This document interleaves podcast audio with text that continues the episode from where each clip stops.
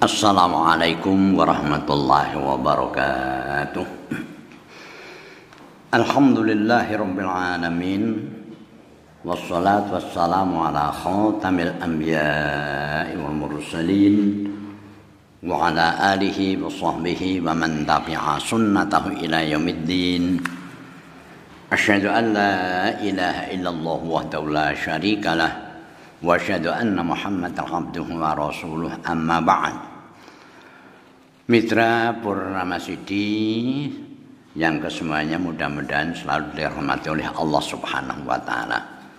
Pada siaran yang telah lampau telah saya sampaikan yaitu mengenai kiat-kiat keberhasilan Rasulullah sallallahu alaihi wasallam selaku pemimpin umat antara lain satu beliau seimbang antara perjuangan lahiriah dan batiniah Kedua, beliau yakin apabila betul-betul jihad untuk mencari keridhaan Allah akan ditunjuki jalan yang lurus. Kemudian yang ketiga, beliau yakin bahwa yang hak akan mengalahkan yang batil. Kemudian yang keempat, beliau memang akhlaknya agung sekali, yaitu Antara lain, sekalipun dengan musuh, beliau membalas dengan sikap yang baik. Kemudian yang kelima, beliau yakin bahwa Allah pasti menolong orang-orang yang menolong agama Allah. Kemudian yang keenam, beliau tidak pernah putus asa, tidak pernah patah hati dan selalu memberi maaf. Nah, kemudian sekarang ini saya sampaikan adalah yang ketujuh. Beliau sangat merasakan penderitaan umatnya. Ini dilukiskan oleh Allah di dalam surat At-Taubah ayat 128. A'udzu billahi minasyaitonir rajim.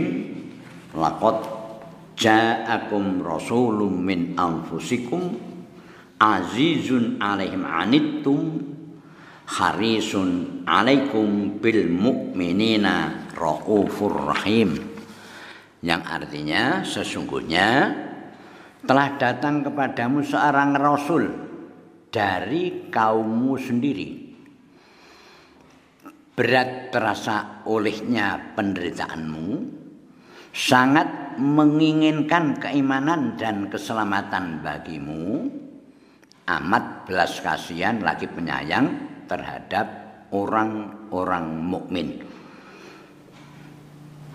Satu contoh begini, yaitu setelah peristiwa Isra dan Mi'rajnya junjungan kita Nabi Muhammad SAW. Nah ini. Rasulullah Muhammad SAW beserta para sahabat selalu menerima ancaman teror dari kaum kafir Quraisy yang makin menjadi-jadi. Sehingga Rasulullah SAW memerintahkan kepada para sahabat untuk hijrah dari Mekah ke Madinah secara bertahap. Nah, setelah para sahabat dianggap hampir seluruhnya dapat melaksanakan hijrah ke Madinah, barulah Rasulullah SAW bersama Abu Bakar Siddiq radhiyallahu an menyusulnya yaitu pada akhir bulan Syafar tahun ke-13 kerasulan. Ini sehingga Rasulullah sekali lagi memperhatikan umatnya dulu setelah umatnya selamat semua sampai ke Madinah barulah beliau Rasulullah menyusul. Sehingga dalam perjalanan beliau bersama dengan sahabat Abu Bakar Siddiq radhiyallahu an tiga hari tiga malam di Gua Saur kemudian satu Robiul Awal ya, sampai delapan Robiul Awal delapan hari delapan malam meneruskan perjalanannya dari Gua Saur ke Kuba.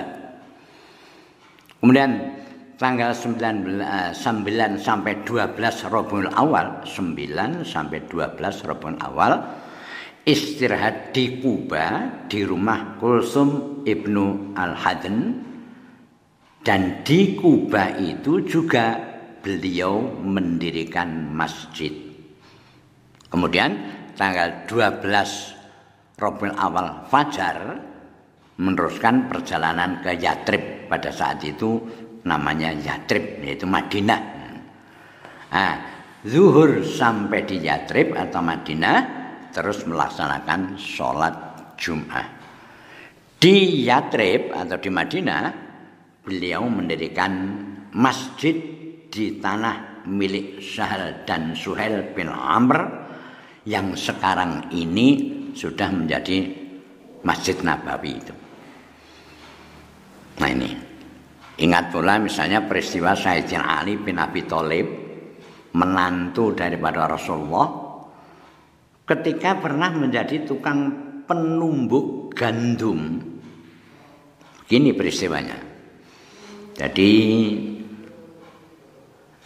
Ali bin Abi Thalib sekalipun beliau itu adalah menantu Rasulullah bukan berarti mendapatkan fasilitas istimewa, tidak biasa. Beliau kehidupannya pada saat itu sedang menumbuk gandum.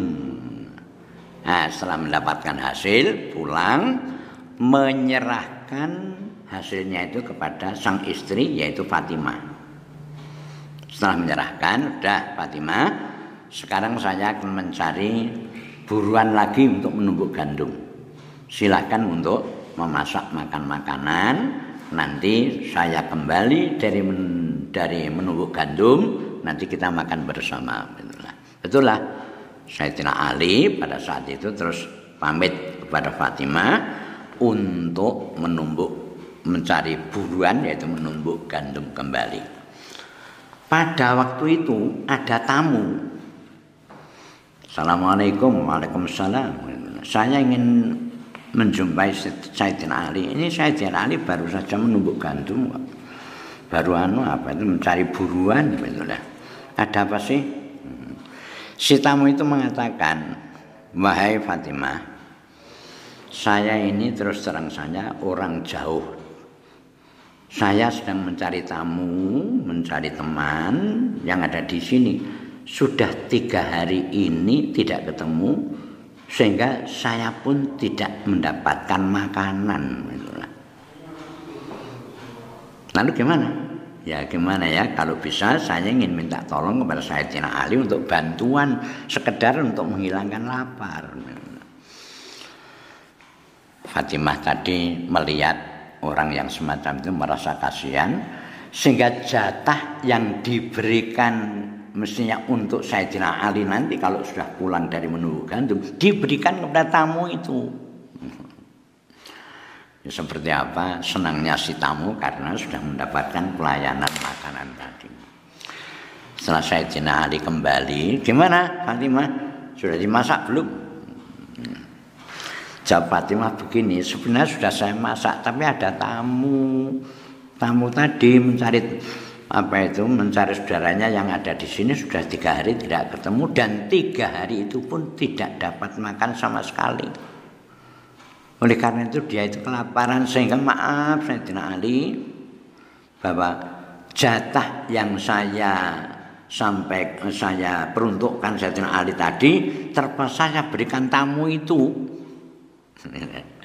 Nah, kalau kita kira-kira gimana ini, masya Allah. Tapi bagaimana sikap Sayyidina Sayyidina Ali?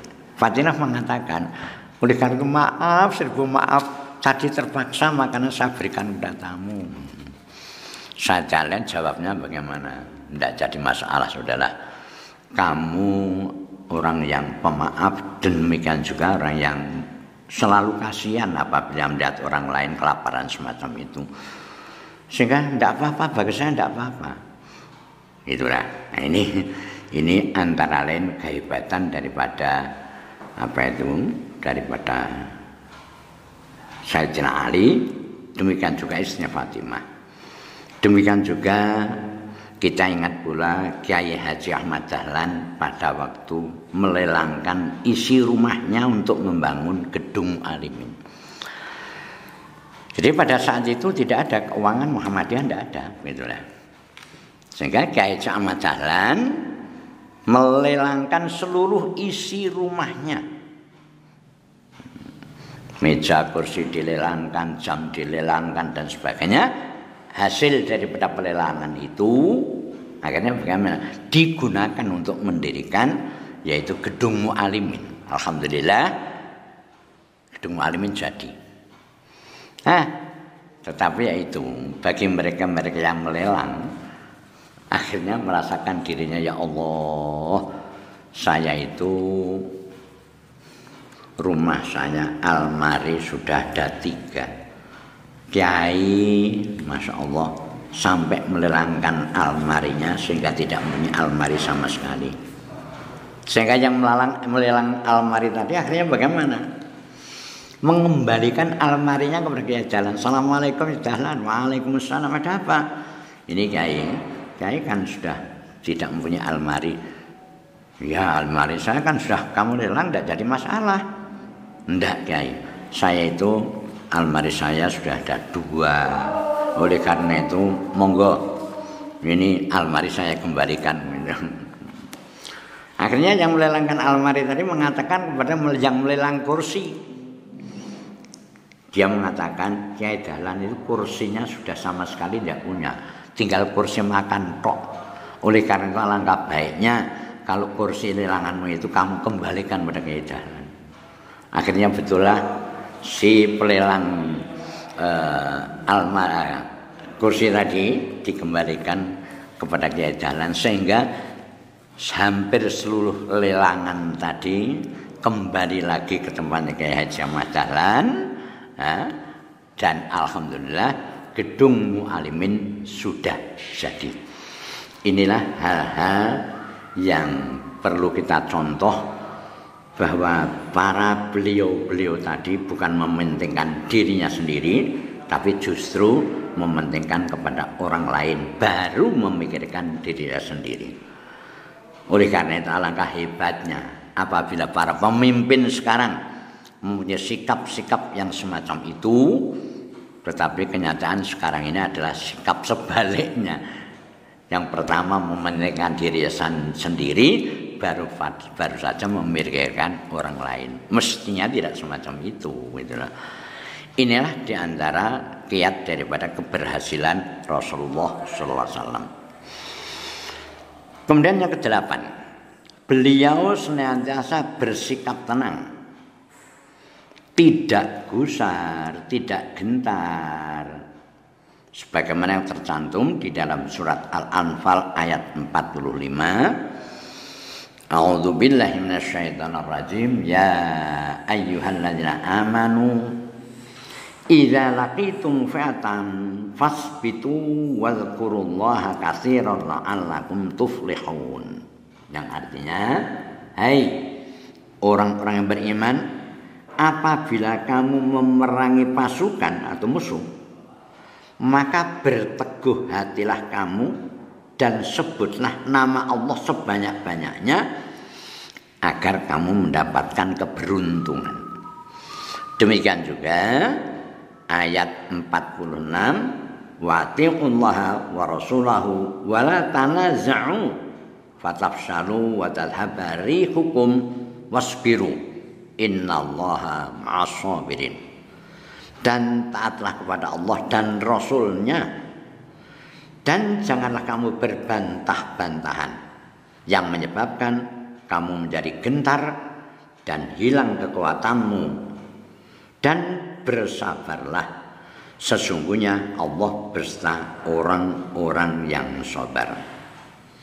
Nah, ini diperkuat oleh hadis qudsi yang bersumber dari Anas radhiyallahu an dan Abu Hurairah radhiyallahu an juga Awanah dan At-Tabari yang bersumber dari Salman radhiyallahu an menyebutkan Idza taqarraba ilayya abdu sabron taqarrabtu ilaihi dzira'an jika hamba itu mendekat kepadaku satu jengkal aku Allah maka aku akan mendekat kepadanya satu hasta idza taqarraba ilayya abdu zira'an taqarrabtu minhu ba'an jika hamba itu mendekat kepadaku satu hasta maka aku Allah akan mendekat kepadanya satu debat.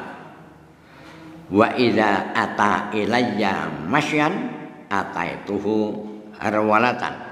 Dan apabila hamba itu datang kepadaku dengan berjalan, aku akan datang kepadanya dengan berlari. sebagaimana seniman muslim kita Bimbo pernah menyanyikan aku jauh engkau jauh aku dekat engkau dekat hati adalah cermin tempat pahala dan dosa terpadu.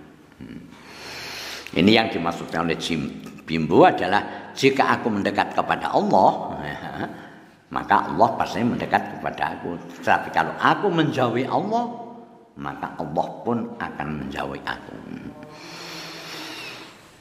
Namun demikian, kita tidak boleh mengabaikan syarat kemenangan setiap perjuangan. Di antara syarat kemenangan setiap perjuangan adalah satu mujahadah atau istiqomah, konsisten La tazalu ta'ifatum min ummati zahirina 'alal haqqi wa la yadurruhum man khadzalakum hatta ya'ti amrullahi wa hum zahirun. Hadis riwayatkan oleh Bukhari, Muslim ya, dari Mughirah. Akan tetap ada yang artinya dan terus ada segolongan dari kepada umatku yang teguh mendohirkan agama yang benar dan tidak akan merusak pada mereka penghinaan-penghinaan yang dilontarkan musuh. Mereka bergerak terus sampai datang pembelaan Allah. Demikian juga di dalam surat Al-Baqarah ayat 214 A'udzu billahi minasyaitonir rajim. Am hasibtum an tadkhulul jannah? Walam ya'tikum masalul ladzina khalau min qablikum. Massatumul ba'sa wal dharra'u wa zulzilu. Hatta yaqula ar-rasulu wal ladzina amanu ma'ahu mata nasrullah. Ala inna nasrallahi qarib. Yang artinya Apakah kamu mengira bahwa kamu akan masuk surga?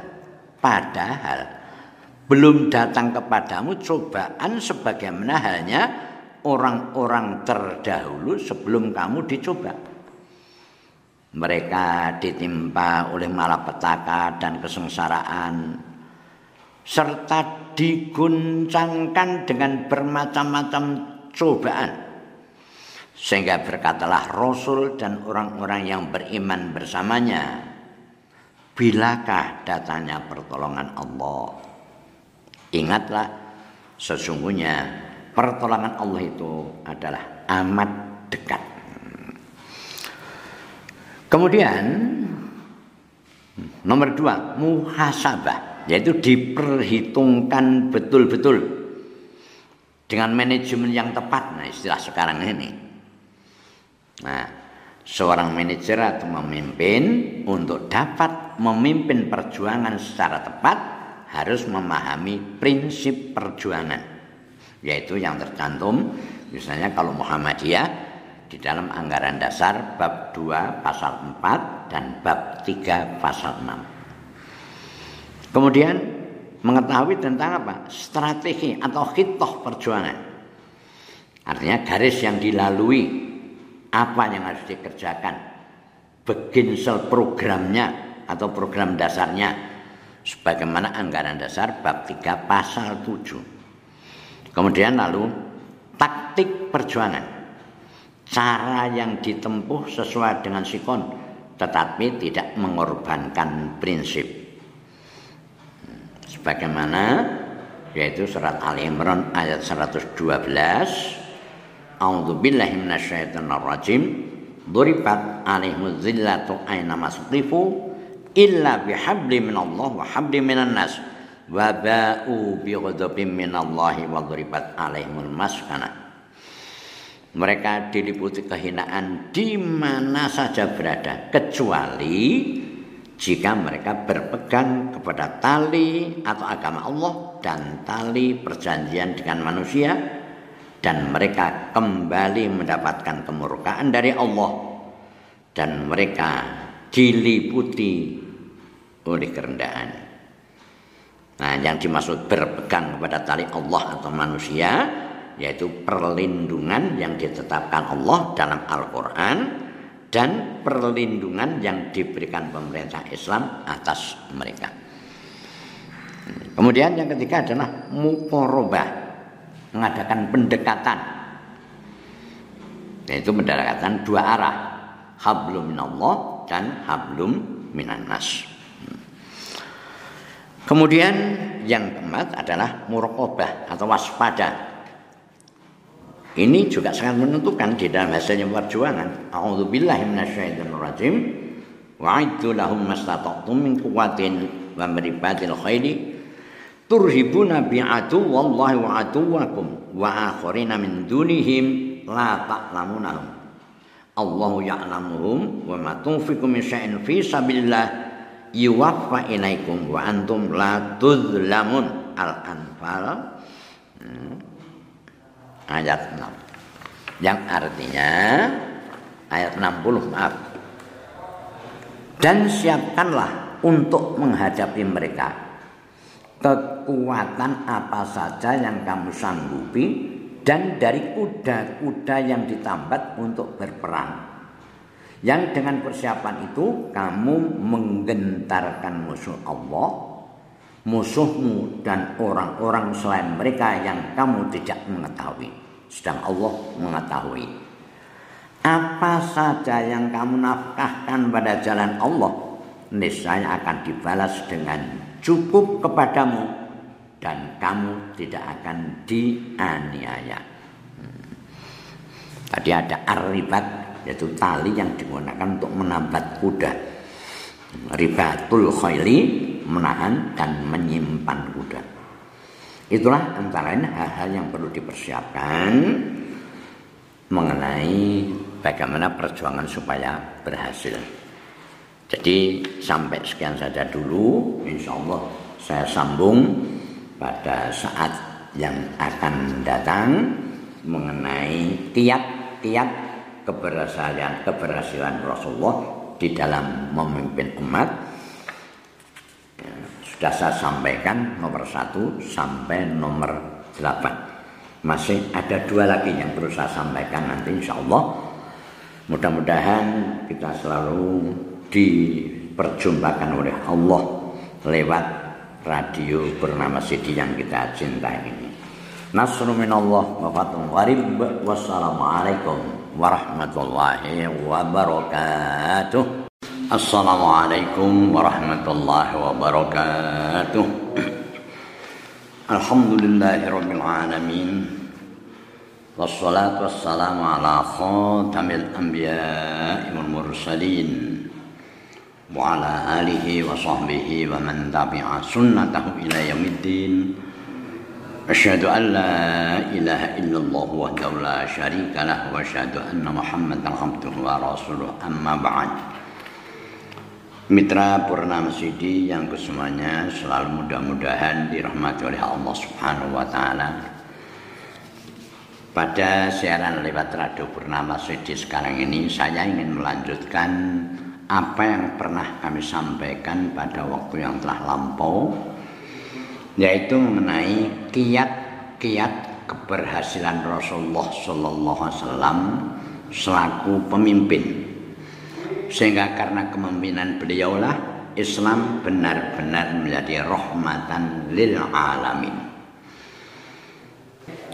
Pada siaran yang telah lampau telah saya sampaikan di antara kiat-kiat keberhasilan Rasulullah di dalam memimpin umat Pertama adalah beliau seimbang antara perjuangan yang bersifat duniawiyah dan yang bersifat ukhrawiyah. Kemudian yang kedua,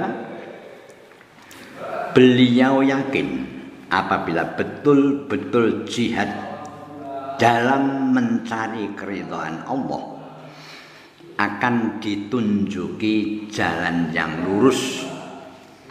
Sebagaimana firman Allah yang tercantum di dalam surat Al-Ankabut ayat 69 A'udzubillahi minasyaitonirrajim. Walladzina jahadu fina lanahdiyannahum subulana. Wa innallaha lamal musinin yang artinya dan orang-orang yang berjihad untuk mencari keridhaan kami benar-benar akan kami tunjukkan kepada mereka jalan-jalan kami. Dan sesungguhnya kami Allah benar-benar beserta orang yang berbuat baik. Kemudian yang ketiga, beliau Rasulullah SAW yakin bahwa yang hak pasti akan mengalahkan yang batil. Hal ini sebagaimana firman Allah yang tercantum di dalam surat Al-Isra ayat 81 A'udzu billahi minasyaitonir rajim wa qul ja'al haqqu wa zaqal batil. Innal batila kana zahuqa dan katakanlah Muhammad yang benar telah datang dan yang batil telah lenyap Sesungguhnya yang batil itu adalah sesuatu yang pasti lenyap.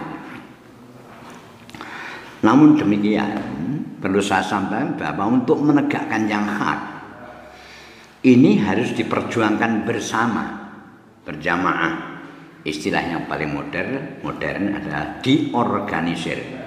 Tanpa diperjuangkan bersama atau diorganisir, justru yang hak ini dapat dikalahkan oleh yang batil. Sebagaimana sabda Rasul al-haqqu bila nidhamin yaghlibul batilu bin nidham. Sesuatu yang hak tetapi tidak diorganisir dapat dikalahkan oleh yang batil tetapi diorganisir. Nah, dakwah amar ma'ruf nahi mungkar setelah diorganisir harus berani betul-betul menyampaikan konsep yang benar atau yang hak. kemudian yang keempat, beliau akhlaknya agung sekali. Inilah kiat yang paling menonjol mengenai keberhasilan beliau di dalam memimpin umat. Sekalipun dengan musuh, ini hebatnya beliau membalas dengan sikap yang baik. Satu contoh yaitu peristiwa Daksur. Daksur adalah seorang yang sangat-sangat memusuhi Rasulullah. Pada suatu saat Rasulullah bersandar sendirian di pohon kurma karena terlalu payahnya kira-kira. Pada saat itulah Daksur mengetahui bahwa Rasulullah sedang bersandar di pohon kurma itu sendirian. Akhirnya justru sudah siap untuk membunuh Rasulullah tidak suruh tadi. Mengacungkan pedangnya di atas kepala Rasulullah. Tapi sebelumnya suruh bertanya kepada Rasulullah, "Ayo hai Muhammad, kamu berserah dengan siapa?" Jawab Rasulullah dari dalam hati nuraninya yang asli. Jawab Rasulullah bagaimana? Hanya Allah beserta saya. Pada saat itu juga pedang daksur lepas daripada tangannya. Ya karena mendengar kalimat Allah tadi pedang daksur itu lepas daripada tangannya. Lalu bagaimana? Saya rasa kalau manusia biasa pedang ganti dipegang untuk membunuh Daksur. Tapi Rasulullah tidak semacam itu. Akhirnya menyampaikan pada Daksur, Hai Daktur, sudahlah. Sekarang kamu saya maafkan, mari kita bersyahadat. Kemudian Daktur diajak bersyahadat, mengaku atas kerasulan daripada Nabi Muhammad SAW. Demikian juga keesaan daripada Allah Subhanahu wa taala yang wajib disembah. Akhirnya justru Daktur masuk Islam. Ada lagi satu peristiwa yaitu pada waktu Rasulullah diundang ke Taif. Menurut utusan daripada Taif, Rasulullah diundang ke Taif dalam rangka bertablik. Tetapi sampai di kota Taif, bukan Rasulullah itu disuruh bertablik, tapi justru malah dilempari oleh orang-orang Taif. Sampai bercucuran maaf maaf darahnya begitulah.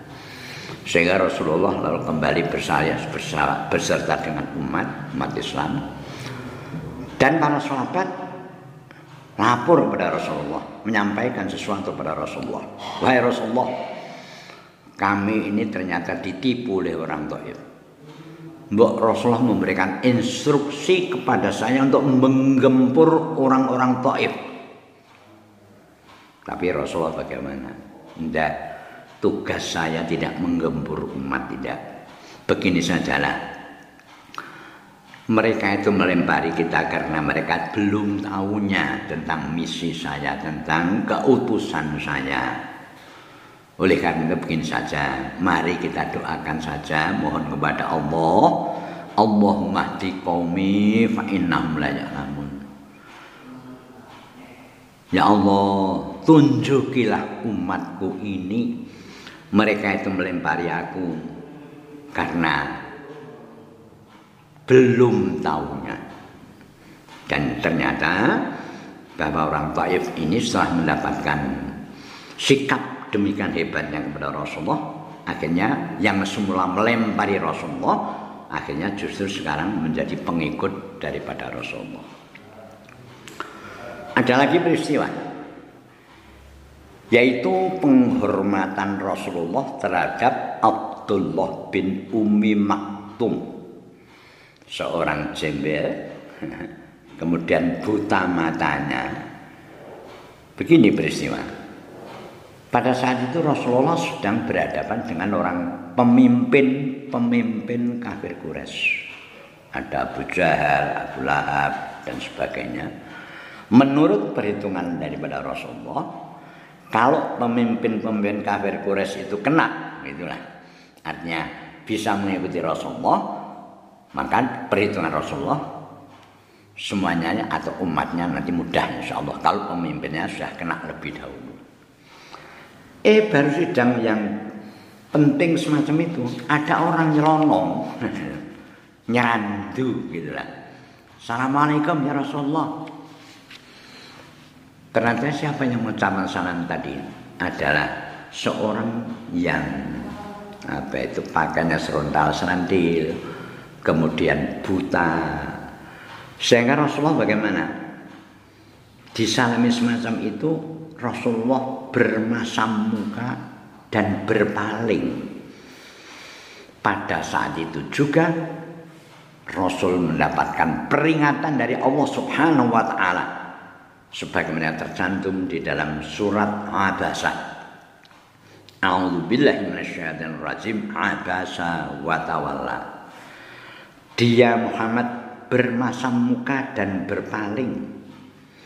Anja'ahul a'ma karena telah datang seorang buta kepadanya yaitu Abdullah bin Maksim tadi bin Maktum. Wa mayudrika Allahu yazakka tahukah kamu Barangkali ia ingin membersihkan dirinya dari dosa. Au yadzakkaru fatan atau dia ingin mendapatkan pengajaran lalu pengajaran itu memberi manfaat padanya. Amma manistagna.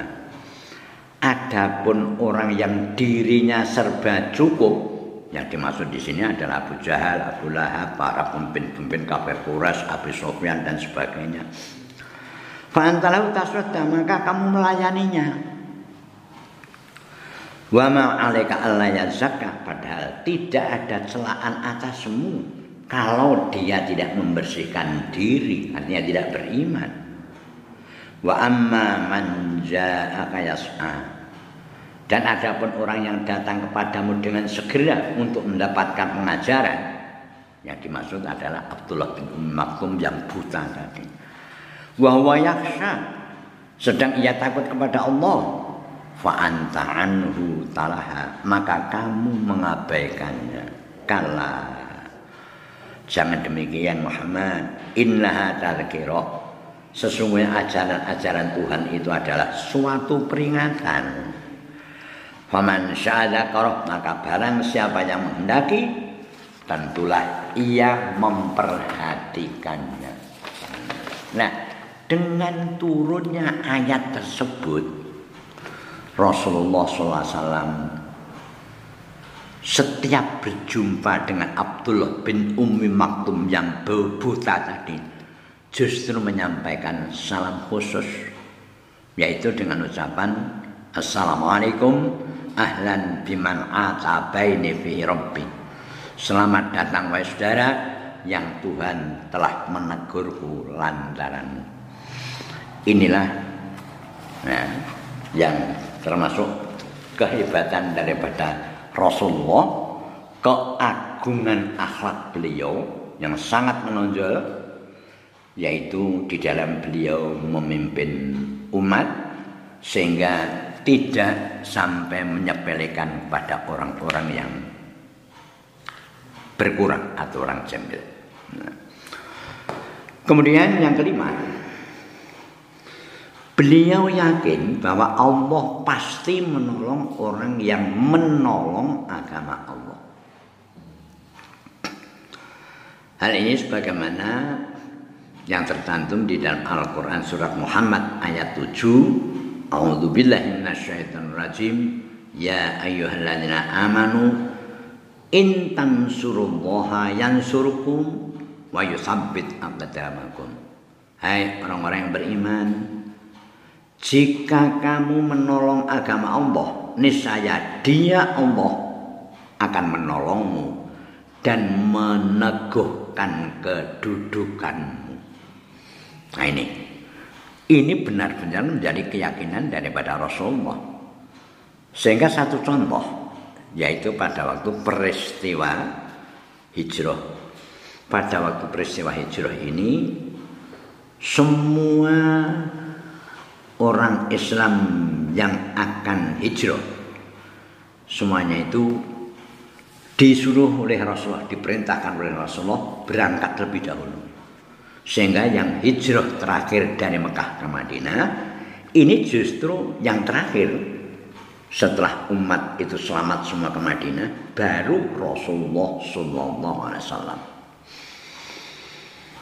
Nah pada saat itulah satu kesempatan bagi orang kafir Quraisy di dalam sidangnya di Darun Nadwa. Darun Nadwa itu kalau sekarang MPR lah kira-kira.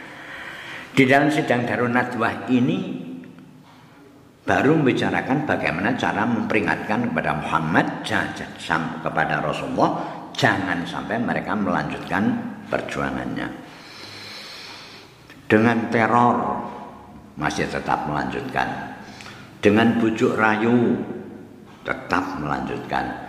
Dengan adanya apa itu disingkirkan ke Syi'ib yaitu adanya istilahnya kalau sekarang ini embargo di embargo embargo ekonomi juga masih tetap melanjutkan kemudian diajak eh, kerjasama, toleransi, tasamuh juga tidak berhasil. Akhirnya di dalam sidang Darun Nadwah orang-orang kafir Quraisy tadi sekarang yang terakhir itu Muhammad dibunuh sudah. Betul lah. Hanya pada saat itu saatnya menghadapi maghrib. Rumah Rasulullah sudah dikepung oleh orang-orang pemuda kafir Quraisy dalam rangka membunuh Rasulullah. Tetapi pada saat itu memang sudah ada uh, apa itu adat-adat luhur tidak boleh mengadakan peperangan, tidak boleh mengadakan pembunuhan pada waktu malam. Karena sudah waktu maghrib dan Rasulullah sudah dikepung oleh orang-orang pemuda kafir Quraisy, tapi karena sudah maghrib maka tidak berani membunuh. Akhirnya lalu hanya dikepung begitu saja. Pada saat itulah Rasulullah menyampaikan kepada Ali bahwa Ali supaya menempati tempat tidur Rasulullah dan Rasulullah siap untuk keluar dari rumah karena sudah disiapkan oleh Abu Bakar Siddiq radhiyallahu an untuk lari dari rumah itu. Nah, semalam suntuk orang-orang pemuda kafir Quraisy yang mengelilingi rumah Rasul tadi tidak tidur menghadapi subuh semuanya itu ketiduran. Nah, pada saat itulah satu kesempatan Rasulullah keluar dari rumah ditunggu oleh Abu Bakar Siddiq kemudian berangkat menuju ke Madinah. Tetapi baru beberapa kilo dari rumah Rasulullah di Mekah itu tadi Abu Bakar mendengar yaitu gerak langkah daripada kuda-kuda kafir orang-orang kafir Quraisy yang ingin membunuh Rasulullah tadi. Sampai Abu Bakar menyampaikan kepada Rasulullah, Rasulullah kita sudah terkejar oleh orang-orang kafir Quraisy. Gimana ini? Sudahlah, sekarang begini saja. Mari kita bersembunyi ke Gua Sol.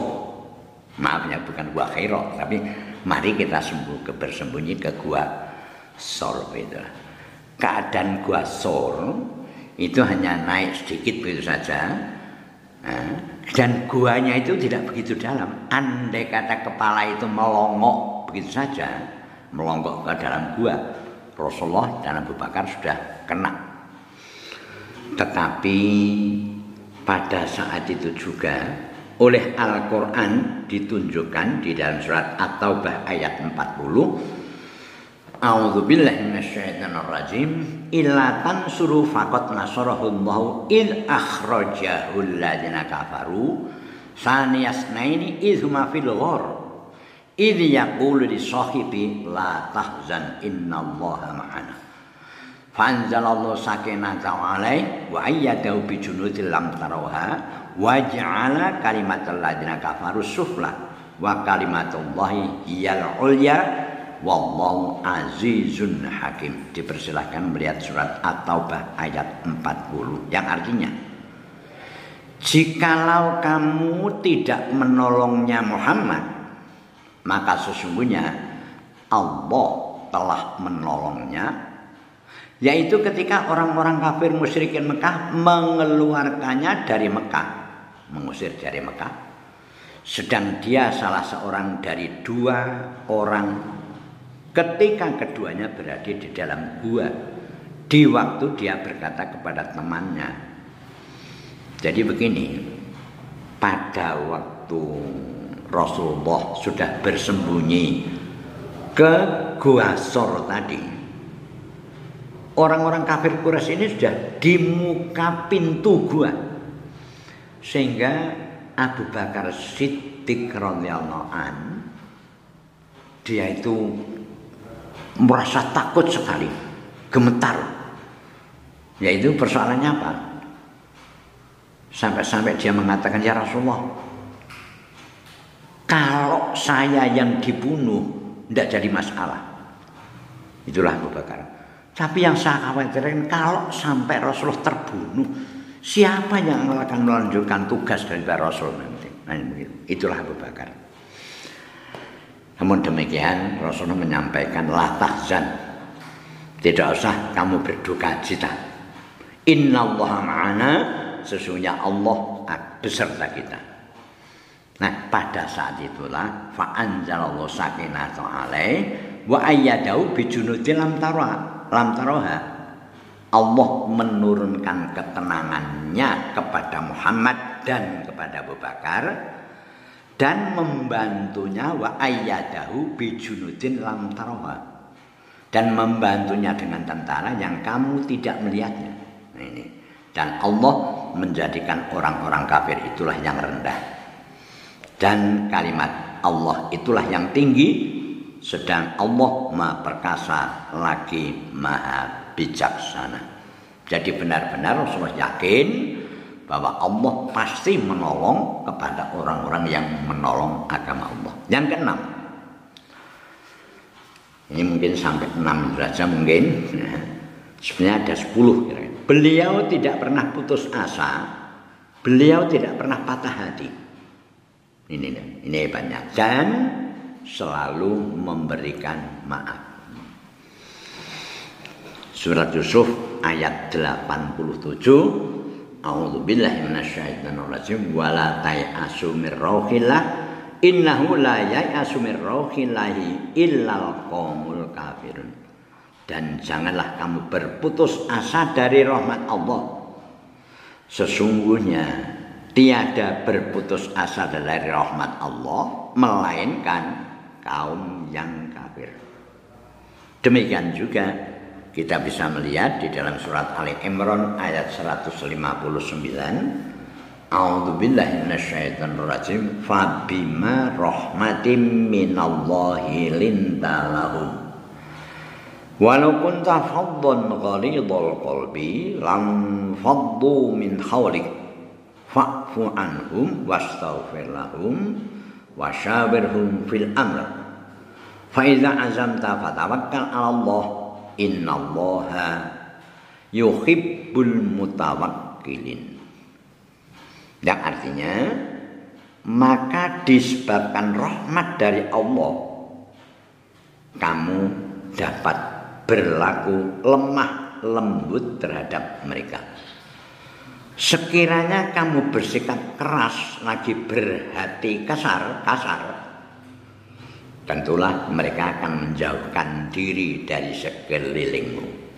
Karena itu, maafkanlah mohonkanlah ampun bagi mereka dan bermusyawaratlah dengan mereka dalam urusan itu. Kemudian faiza azamka fatawakkal Allah apabila kamu telah membulatkan tekad bertawakallah kepada Allah innallaha yuhibbul mutawakkilin sesungguhnya Allah menyukai orang-orang yang bertawakal kepadanya. Sekali lagi silahkan membaca surat Ali Imran ayat 159. Itulah kira-kira yang dapat saya sampaikan lewat Radio Purnama Sidi kepada para mitra Purnama Sidi mudah-mudahan apa yang saya sampaikan ini dapat menjadi sore teladan bagi kita sekalian.